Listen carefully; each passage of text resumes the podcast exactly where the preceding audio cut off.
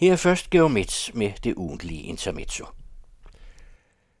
Den unge forfatter slog sine folder i Information siden politikken som superjournalisten, der skrev om teater og andet forfaldende, der krævede sin mand om modet til at lægge sig ud med den tradition, som hans jævnaldrende Leif van Duo sagde, man kunne rende ham i.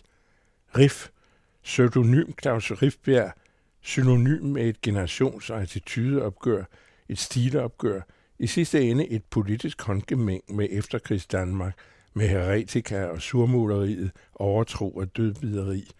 Riff var modernismen på turbo. Han og Ville Sørensen kunne vandre lodret op ad husmure, sådan følte de rusen i tilbageblik. Chokerende var Riff for mange. Han er jo sjofel, sagde kommentatorens tante, der var konservativ, så det gjorde noget. Vildt forarret over ord om nedre kropsdele, skønt hun selv bandede som en svensker, men i øvrigt aldrig fik læst en linje af den dybest set praktiserende borgerlige Rifbjerg. Hun og utallige overhørte også anerkendelsen, da kulturminister Bodil Kok kaldte Rifbjerg vor tids Grundtvig.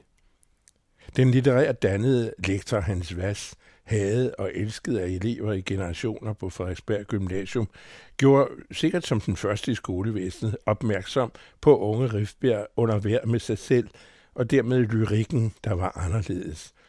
Ikke at digtene var lektor Vasses kop te, han dyrkede vennen Johannes V. Jensen. Vass antydede dog ligheder mellem giganten Jensen og opkomningen fra Amager. Samføringen forstod Rifbjerg glimrende og dyrkede Jensen livet lang, uden at det var pinligt, snarere indlysende. Claus Rifbjerg har nu været død i seks år og ville være fyldt 90 på onsdag, hvis altså ikke mekanikken ville noget andet.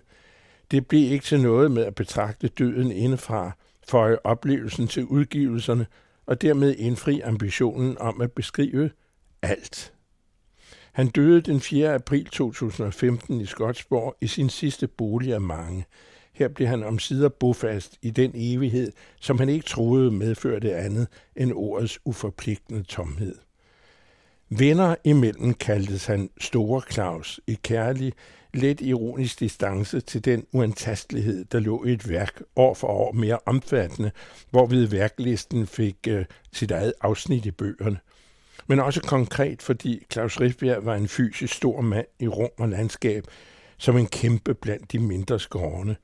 Især når han med sin skæve næse oplevede rysten i nasal sproglig præcision og slog tåbelighederne for panden med argumenter, og den humor, han beklagede indædte antagonister ofte ikke ejede. Jeg kan ikke gøre noget for dig, sagde han til selvhøjtidlighedens blindværk af en bladkritiker, som han i den fysiske ligheds navn vinende præcist kaldte Andersine And. Nådesløs kunne Rifbjerg være, men sjældent, når der ikke var grund til det. Vennernes ven til gengæld, uden at det dog forhindrede ham i at sætte dem på spid i en eller anden roman eller novelle. Magister Bente Hansen spurgte ham, nogenlunde ordret her citeret i et tv-portræt i 1900 Dartsumal, hvordan kunne du gøre det mod dine venner? Alle, der kender dig, elsker dig jo. De elsker mig ikke nok, svarede Store Claus, med den snært af kronisk uskyld, som et eller andet mål for hans satiriske raptus måske kunne have svært ved at få øje på, men som ikke desto mindre altid var med i bagagen. Kunne han have skrevet uden uskyldens drivkraft? Det er spørgsmålet. Sentimentalitet lå ikke til Rifbjerg, kun sart følsomhed, der kom bag på mange, især dem, der ikke drømte om at røre hans bøger, men at anvare fik tag på et digt eller to – det var jo ham, der i Fæderlandskærlighed havde malet billederne på Skagens Museum oven på den lange frokost, hvor stemmerne i opbruget var blevet mere sagte. Men når hver gik hjem til sit, var det for sent at male mere. Det var vores livsform, vores egen, den jeg faldt for, som han beskrev, mens han restløst til gavn sad på sin bjergside i Andalusien og digtede det næste og det næste igen, og holdt aldrig op før det vidderligt blev for set at male så meget som et frimærke mere. Godt 250 værker blev det til på de udmålte år. Få, om nogen, har det fulde overblik over det hele, når man også tager artikler og kronikker, klummer og indlæg med. En skrivekugle, kaldte han sig, grinede ugeneret. Det skulle ikke opfattes som syndigt at være produktiv, skønt netop det ofte blev reddet ham i næsen – kunne han dog ikke holde lidt igen og kassere noget mere og være lidt beskeden eller redigere bøgerne, så revl og krat faldt tilbage på papirkogen. Men nej, det kunne han ikke. Det var som det blev. Inge Rifbjerg, ping, læste, når han hævde manus ud af maskinen og skal have dæmpet enkelte overfald på navngivende. Men ellers... Han blev hurtigt udskrevet af de sure, som afdanket kulturradikal værre end antikrist. Det så han som en anerkendelse, og blev stødt, hvis man antydede, at selv han, historisk set, egentlig var for sent ude til kulturradikalismens hederstegn.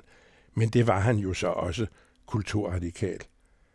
Claus Riffbjerg var selvfølgelig ikke dermed større end livet, men livet blev mindre, da han ikke var der mere, hvad han så stadig også er gang 250 plus det løse. Intermezzo, altid hver uge her på den anden radio, og til at læse hver fredag i Information.